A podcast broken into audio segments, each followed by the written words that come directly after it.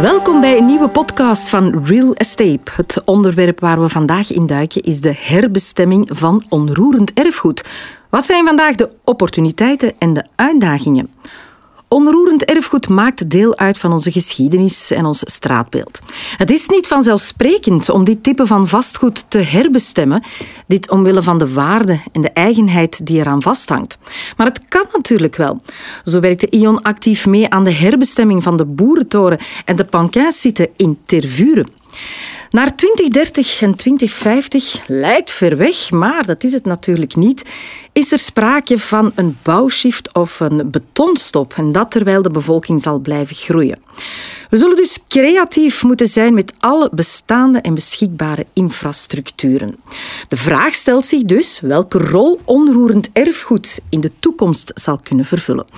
Ik praat erover met Vlaams minister van Financiën, Begroting, Wonen en Onroerend Erfgoed, Matthias Diependalen. Erwin Vrijs, Head of Real Estate bij Participatiemaatschappij Vlaanderen.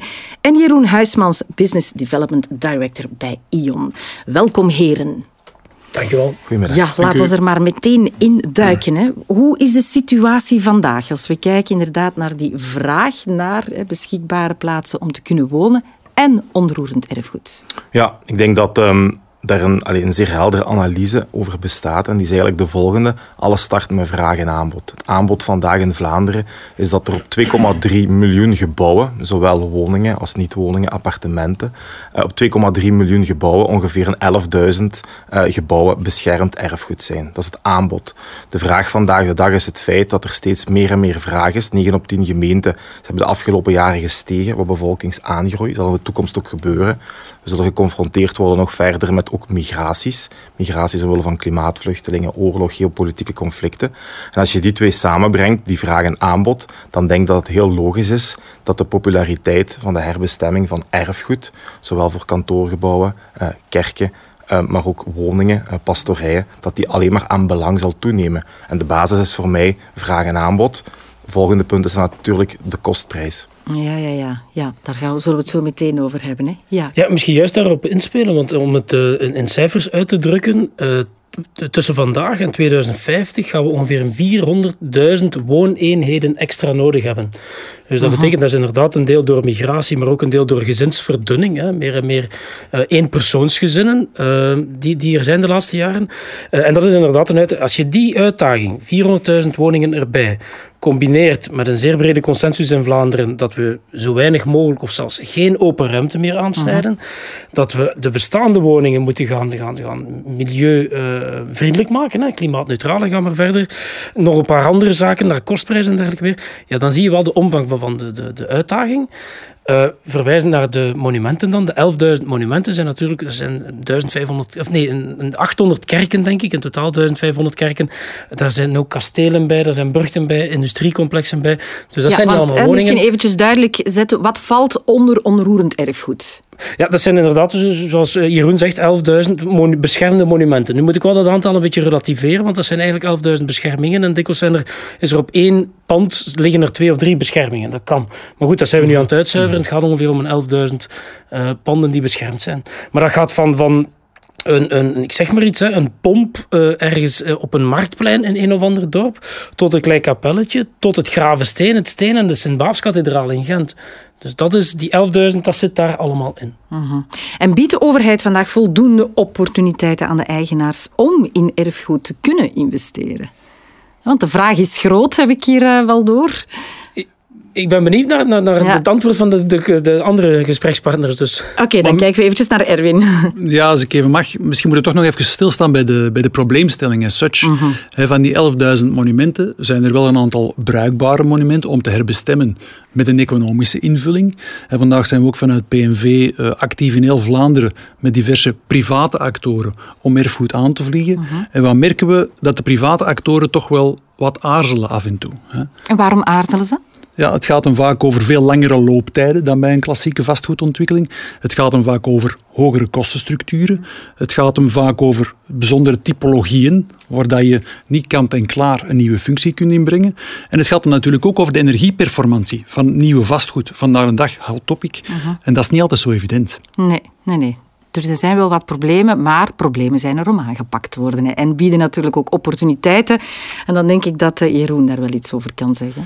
Ja, ik denk allee, dat er vandaag de dag tussen de private en de publieke markt een heel intense samenwerking is voor wat betreft de revitalisatie van onroerend erfgoed. Ik denk dat dat ook belangrijk is, maar ik denk dat dat ook verder moet gaan dan het loutere subsidiëren. Heel vaak zie je promotoren die zeggen, oh, subsidies zijn superbelangrijk. Dat zijn ze ook, maar subsidies zijn voor, zijn voor ons een katalysator om een project te triggeren, te initiëren. Maar het mag niet de bedoeling zijn dat iedere herontwikkeling eeuwig aan het subsidie-infuus blijft hangen. Het moet een katalysator zijn die dingen in gang zet. En mensen moeten inderdaad, want u zegt inderdaad terecht, tijd. Tijd is belangrijk. Heel vaak gebeurt het dat dossiers vastzitten, om welke reden dan ook. En dan zien we wel dat die degradatie van het gebouw exponentieel gaat. Exponentieel in de negatieve zin. En dan kost het natuurlijk wel zeer veel geld en is het soms moeilijk voor een private ontwikkelaar om met een marktconform rendement zonder overheidstussenkomst een uh, herbestemming te bewerkstelligen. En wat is daar dan voor nodig? Maar ik denk persoonlijk, um, in een herontwikkelingsdossier start alles met een goede analyse. Een analyse van de toekomstige bestemming, een analyse van de sterkte, de zwakte, de onoverkomelijkheden in het dossier. En vooral ook samen analyseren met die overheid uh, waar we naartoe willen, zowel op lokaal bestuur, provinciaal als ook op Vlaams niveau. Um, en vanuit die analyse starten waar we naartoe willen en kijken in een open en transparant financieel plan waar er gaten zitten. En welk de behoefte is vanuit de gemeenschap en de behoefte is vanuit de markt. En die twee proberen te gaan vereenzelvigen. Maar ik pleit voor een goede eerste analyse, alvorens zonder meer um, dingen op te starten. Ja. Maar het is inderdaad wel vaak casuïstiek. Hè. Ik denk dat er erfgoed is dat niet te rentabiliseren is, dat je niet economisch kunt invullen, waar dat de overheid nodig is om tussen te komen. Ik denk dat er erfgoed is waar opportuniteiten zitten voor private invullingen en waar een private actor een, een, eh, een meerwaarde heeft om mee te spelen, om de bijkomende overheidstussenkomst te minimaliseren. Ik denk dat er ook erfgoed is, meneer de minister, met alle respect, dat geen tussenkomst van de overheid nodig heeft. Mm. Waar dat de private sector ook zo mee aan de slag kan. We hebben projecten waar dat geen subsidie, geen bijkomende verliesfinanciering op wordt gevraagd. dus dat is één. Twee, volgens mij, het gaat niet altijd over euro's, het gaat niet altijd over die centen om tussen te komen. Het gaat ook in belangrijke mate over vanuit de publieke sector een projectgerichte aanpak. Maar al te vaak, maar ik denk wel dat we er al stappen hebben gezet, maar al te vaak was er in het verleden eerder een, een meer generieke aanpak vanuit de spelregels, vanuit de reglementering. En wachtte men op een dossier dat werd aangebracht vanuit de private sector. Ik denk dat we meer en meer de omslag moeten maken naar een projectgerichte benadering, het meedenken met de ondernemer. En ik zie er al heel wat evolutie, ook bij de administratie, om dat tot stand te brengen vandaag. Meneer de minister, ik denk dat u heel graag wil inpikken op dingen die gezegd ja, worden. Ja, maar, maar ik ben het helemaal eens. Het is uh, muziek in mijn oren. Want, want ik ben niet alleen minister van Onroerend Erfgoed, maar ook van Begroting. En dan wordt er wel een keer gezegd van de overheid moet uh, subsidies geven. En, maar dat zijn de centen van de, de, de mensen. Dat is, is van onze samenleving die daarvoor betaalt. En dan moeten we daar inderdaad heel voorzichtig mee omgaan.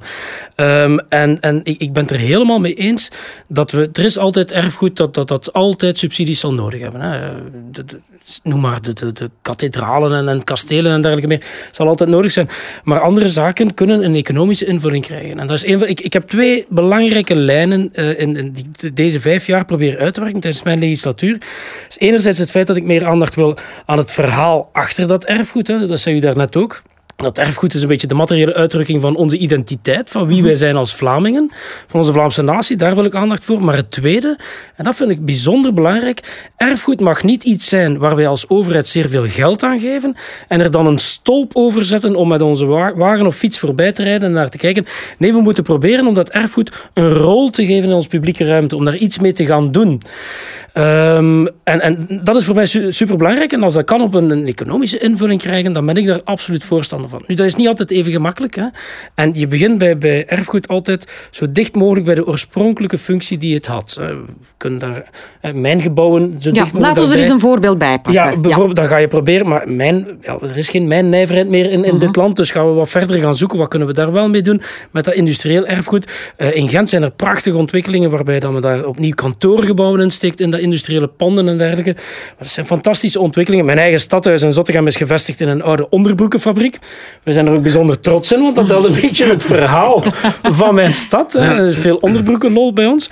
Um, maar, maar, maar dus, en, en op die manier geef je dat een nuttige invulling. Dat zijn oude gebouwen Het voorbeeld dat je geeft van die onderbroekenfabriek is een bijzondere betonstructuur van 1909, maar die is vandaag hypermodern ingericht en zeer nuttig. En dat is uh, de, de, doelstelling. Nu misschien nog een kleine aanvulling van op wat Jeroen daarnet zei. Um, ik heb een hervorming van het premiestelsel ingevoerd. En dat is precies met het idee het, zijn twee belangrijke zaken. En eerst en vooral, ik, ik weigerde om extra geld te gaan vragen. Hè.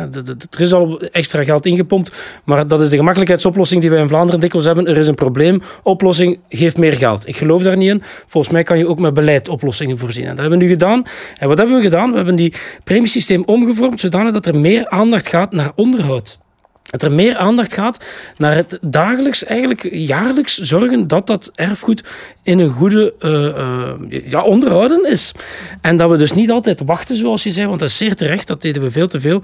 Wachten totdat het helemaal verloederd is. En ja, hoe langer je wacht, je kosten lopen exponentieel op.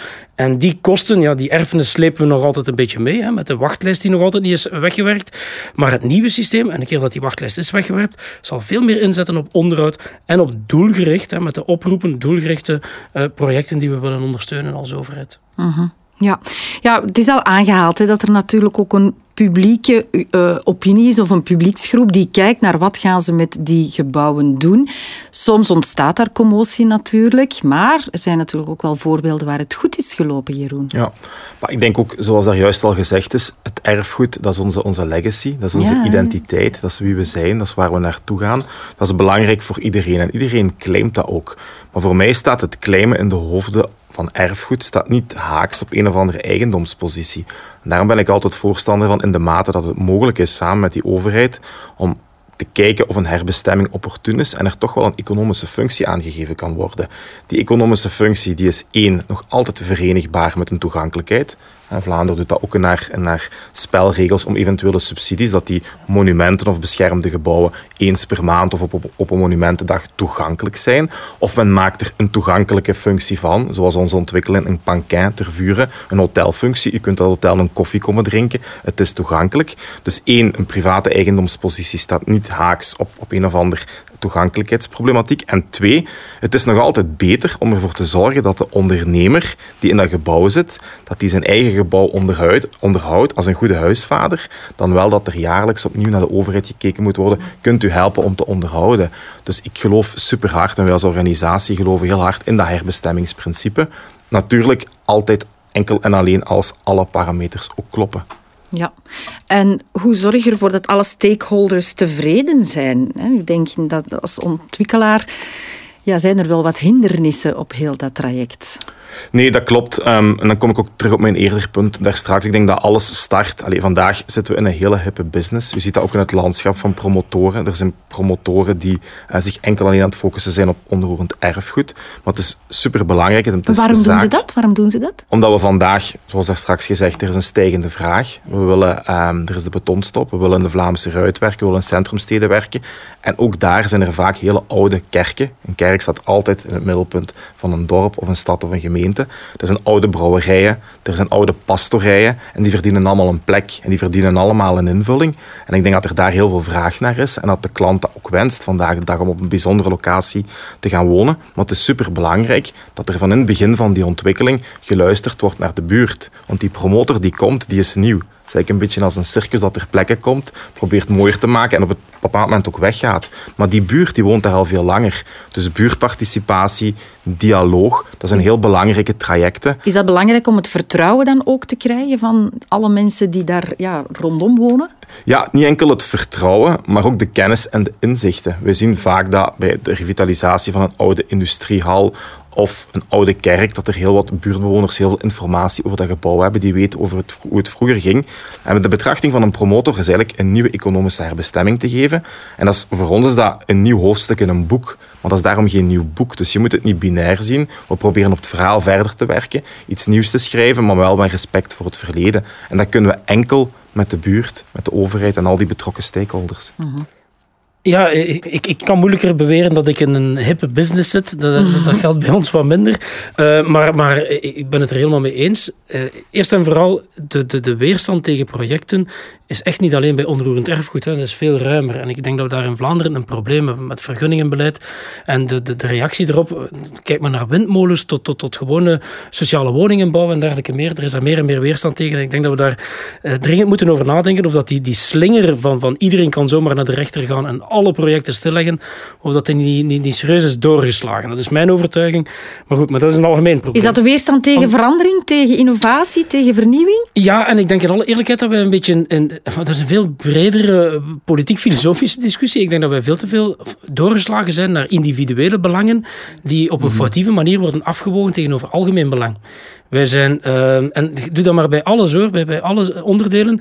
We gaan nu ook uh, gaan bepalen hoe we willen aangesproken worden. Ja, dat is de doorgedreven individualisering, waarbij dat je eigenlijk Iedereen moet, moet, moet als eigenheid benaderd worden en als individu. En we hebben geen groep meer. We, kunnen ons niet meer als ploeg gedragen. Ploeg is zeer belangrijk. Samenwerken. Samenleving. Dat is ook een beetje ja, dat we ons allemaal min of meer moeten inschakelen in een groter geheel.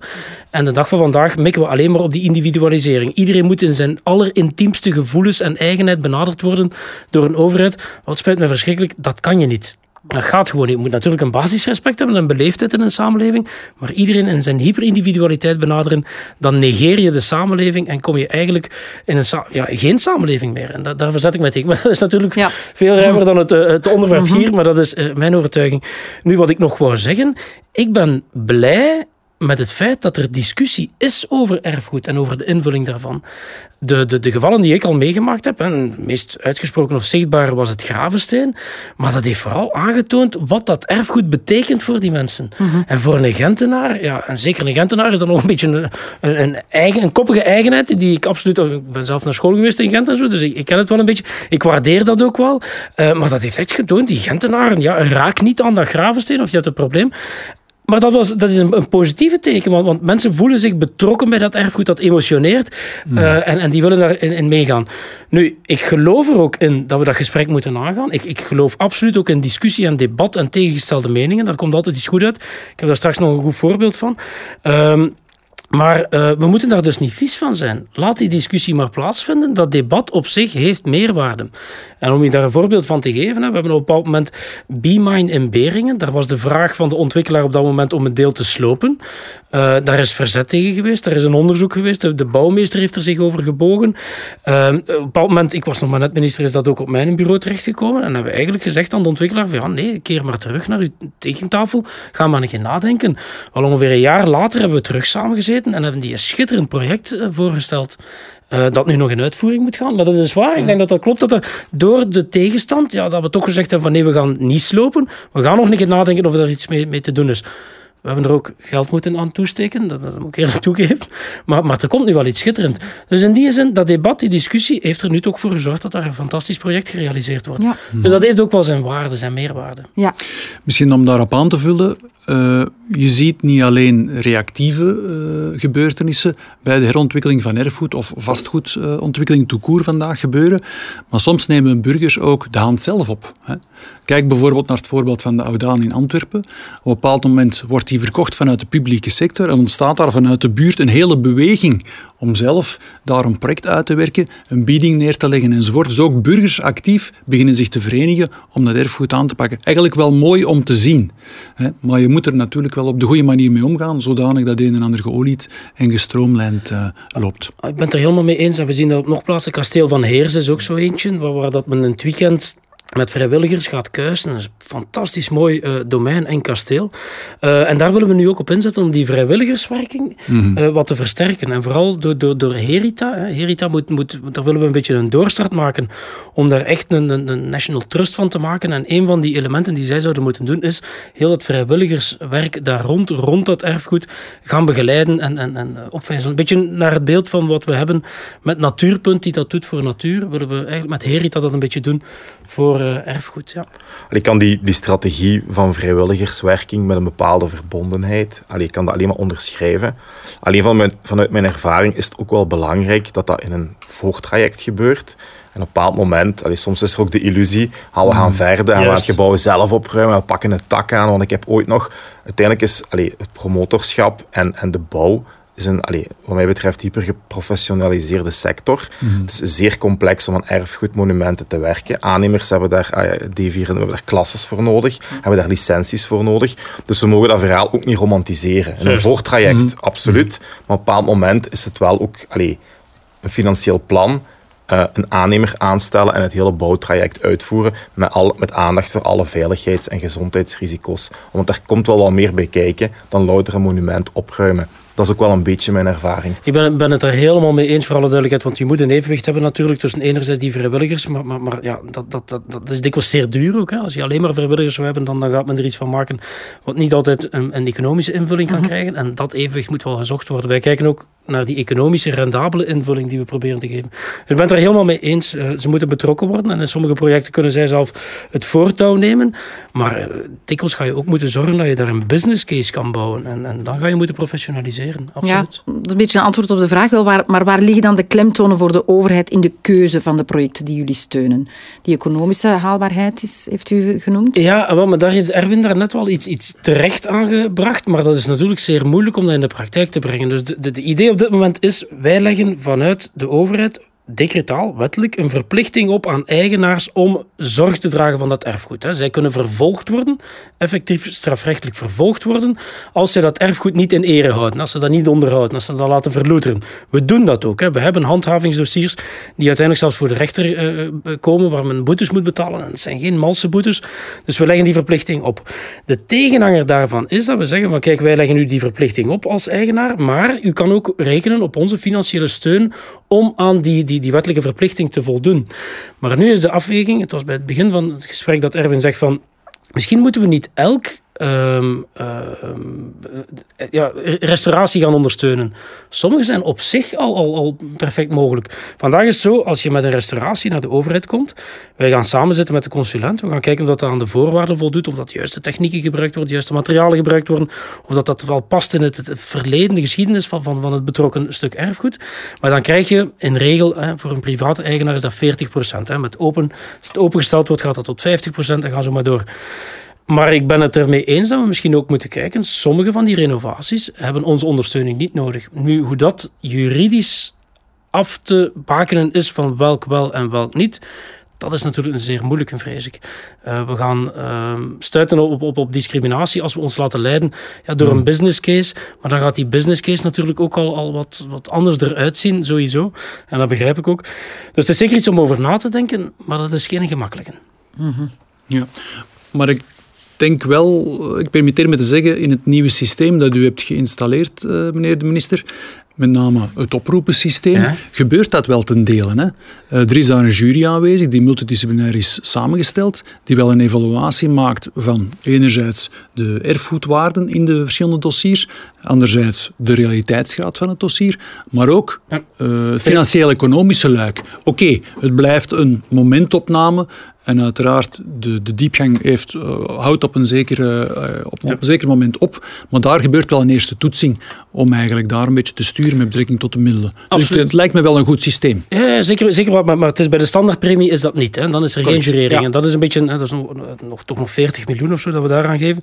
Maar het andere oproepensysteem is, is heel terecht. Daar gaan wij als overheid gaan kiezen van kijk, wij investeren nu in, ik zeg maar iets, industrieel erfgoed. Of wij investeren in, in, in uh, erfgoedgebouwen die voor onderwijs gebruikt worden, erfgoedgebouwen die voor wonen gebruikt worden, dan gaan we oproepen doen. En dan is daar een jurering. We hebben dat nu één keer gedaan en ik moet zeggen, alle uh, feedback die ik daarvan gekregen heb, die was zeer positief over die jurering. Maar dat we echt zeggen dat we mensen met kennis en dus ook een economische invalshoek die daar naar kijken, van wat is de moeite waard om die euro's aan te geven. En dat is inderdaad dan echt afweging. En we hebben, want je komt, er zijn zo nog beleidsdomeinen waar men zo'n jurering doet, maar dan krijgt men een resultaat dat de jury zegt van kijk, dit moet zeker ondersteund worden en dat is allemaal binnen budget, maar dit is ook zeer goed, maar valt buiten budget. ja, maakt niet uit welke beleidsdomein dat is. Uh, maar ik heb dat ook gekregen. En ze hebben gezegd van kijk, dit uh, valt er binnen. Maar dit zijn ook...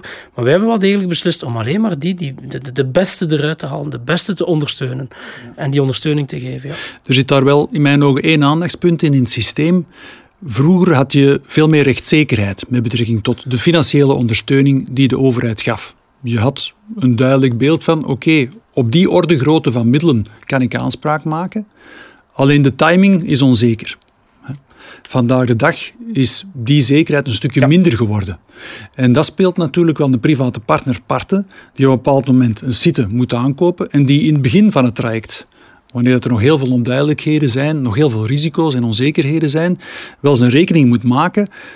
En ja, dan kan hij eigenlijk geen zekerheid plakken op die ondersteuning van de overheid. dat is wel een, een handicap. Denk helemaal eens, maar, maar je zal het waarschijnlijk niet graag horen, maar dat is zeer doelbewust.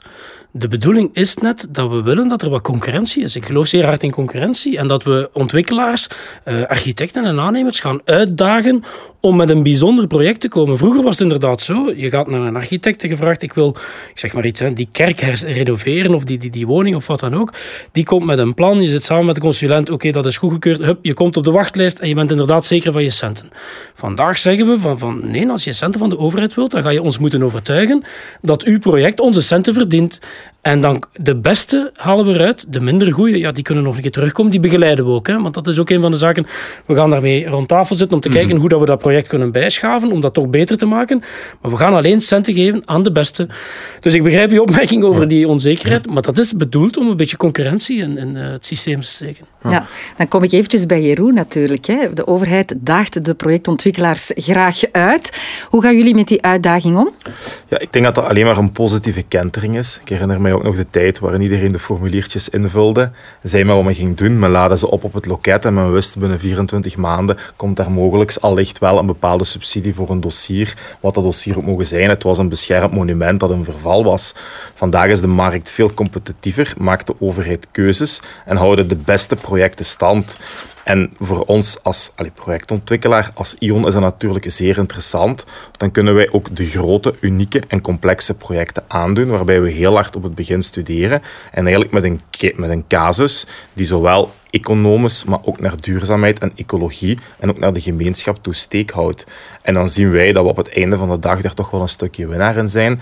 En ik vind het een positieve tendens om van een generiek systeem van premies te gaan naar een thematisch systeem. Dan weet je als private partij ook waar de overheid op inzet, waar men naartoe wil gaan, het belang van toerisme en industrieel erfgoed bijvoorbeeld. Dan kun je daar ook op gaan inspelen en kun je daar ook aan gaan bijdragen. Dus ik vind dat een zeer positieve kentering. En wij staan open om gechallenged te worden um, door de overheid daarin. Dus uh, absoluut positief, zeer positief. Om, om, daar een beetje een, ja, een, een negatief effect geweest is, houden we het onder ons. Want, want uh, op het moment dat we dat nieuw systeem... Uh, ja, Oké, okay, alle luisteraars die even de vingers in de oren steken.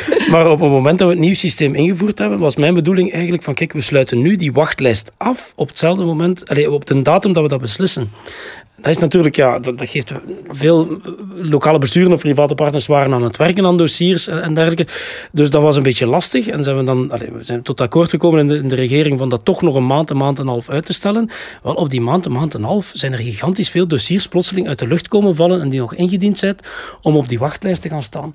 En dat betreur ik in alle eerlijkheid, want het gaat om een 80 miljoen die daar door, door, door extra erbij komt ik had liever gehad dat we dat, dat, dat, nieuwe systeem onmiddellijk konden invoeren en waar we bij veel meer, veel eisender gaan zijn naar de projecten zelf. Ja. Ik denk ook, allee, als, als, um, als overheid en als een suggestie, um, je kunt ook niet alles perfect tip-top gaan onderhouden. Ik denk dat er ook op een bepaald moment keuzes gemaakt moeten worden. En we zien ook dossiers waarbij je ook een verschillende graad van renovatie gaat tegenkomen.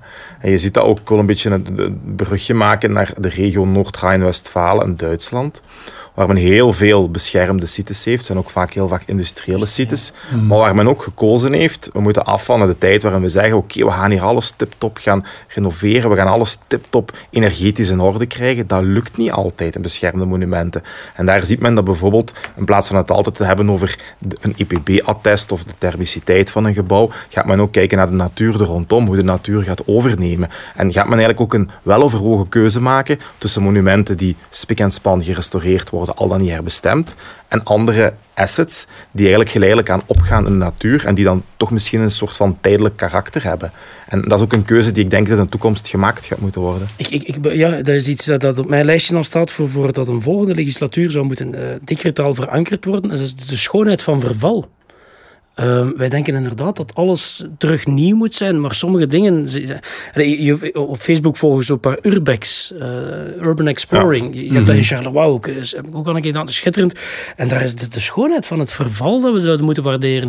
En om opnieuw te verwijzen naar een zekere Mansite in Limburg, waarbij wel men een deel gerenoveerd heeft, zoals het hoort, zoals we dat ook gevraagd hebben. Maar in alle eerlijkheid, dat is niet meer zo mooi dan hoe het daarvoor was, als het een beetje vervallen was. Een industriegebouw moet niet blinken en dat blonk vroeger ook niet, maar nu blinkt het. Ja, dat klopt niet helemaal. Dus laat dat verval ook een beetje zijn. Dus ik ben het daar helemaal mee eens. Maar dat is, we hebben er al een beetje naar gekeken. Dat is zeer moeilijk om het te omschrijven natuurlijk. Hè. Uh, wat mag en wat niet. Maar ik denk dat dat moet kunnen. Ja, dat het, uh, ja. Laatste vraag misschien voor, uh, voor Erwin. Wat moeten we onthouden over de herbestemming en de waarde van onroerend erfgoed? Ik denk dat je daar heel veel over kan onthouden. Uh, maar bij mij komt altijd met stip op nummer 1, ik denk dat de minister het er straks ook heeft uh, uh, aangegeven, de rol binnen onze maatschappij, de identiteit die erfgoed in zich draagt, de verhalen die daarachter zitten. En die onze omgeving onze woonomgeving, onze werkomgeving zoveel rijker kunnen maken uh, dan gewoon alles nieuw te bouwen. Ik denk dat dat uh, een heel belangrijk element is. En daarnaast moeten we uh, de krachten samenzetten, zowel de private als de publieke sector, om dat samen aan te gaan. Die discussie en dat gesprek, project per project. elke keer weer. Ja, dankjewel. Jullie hebben zeker heel veel waardevolle dingen gezegd en dit natuurlijk een, een duwtje in de rug gegeven. Dankjewel Matthias Diependalen, Erwin Vrijens en Jeroen Huismans. Graag gedaan. Dank u. Dankjewel.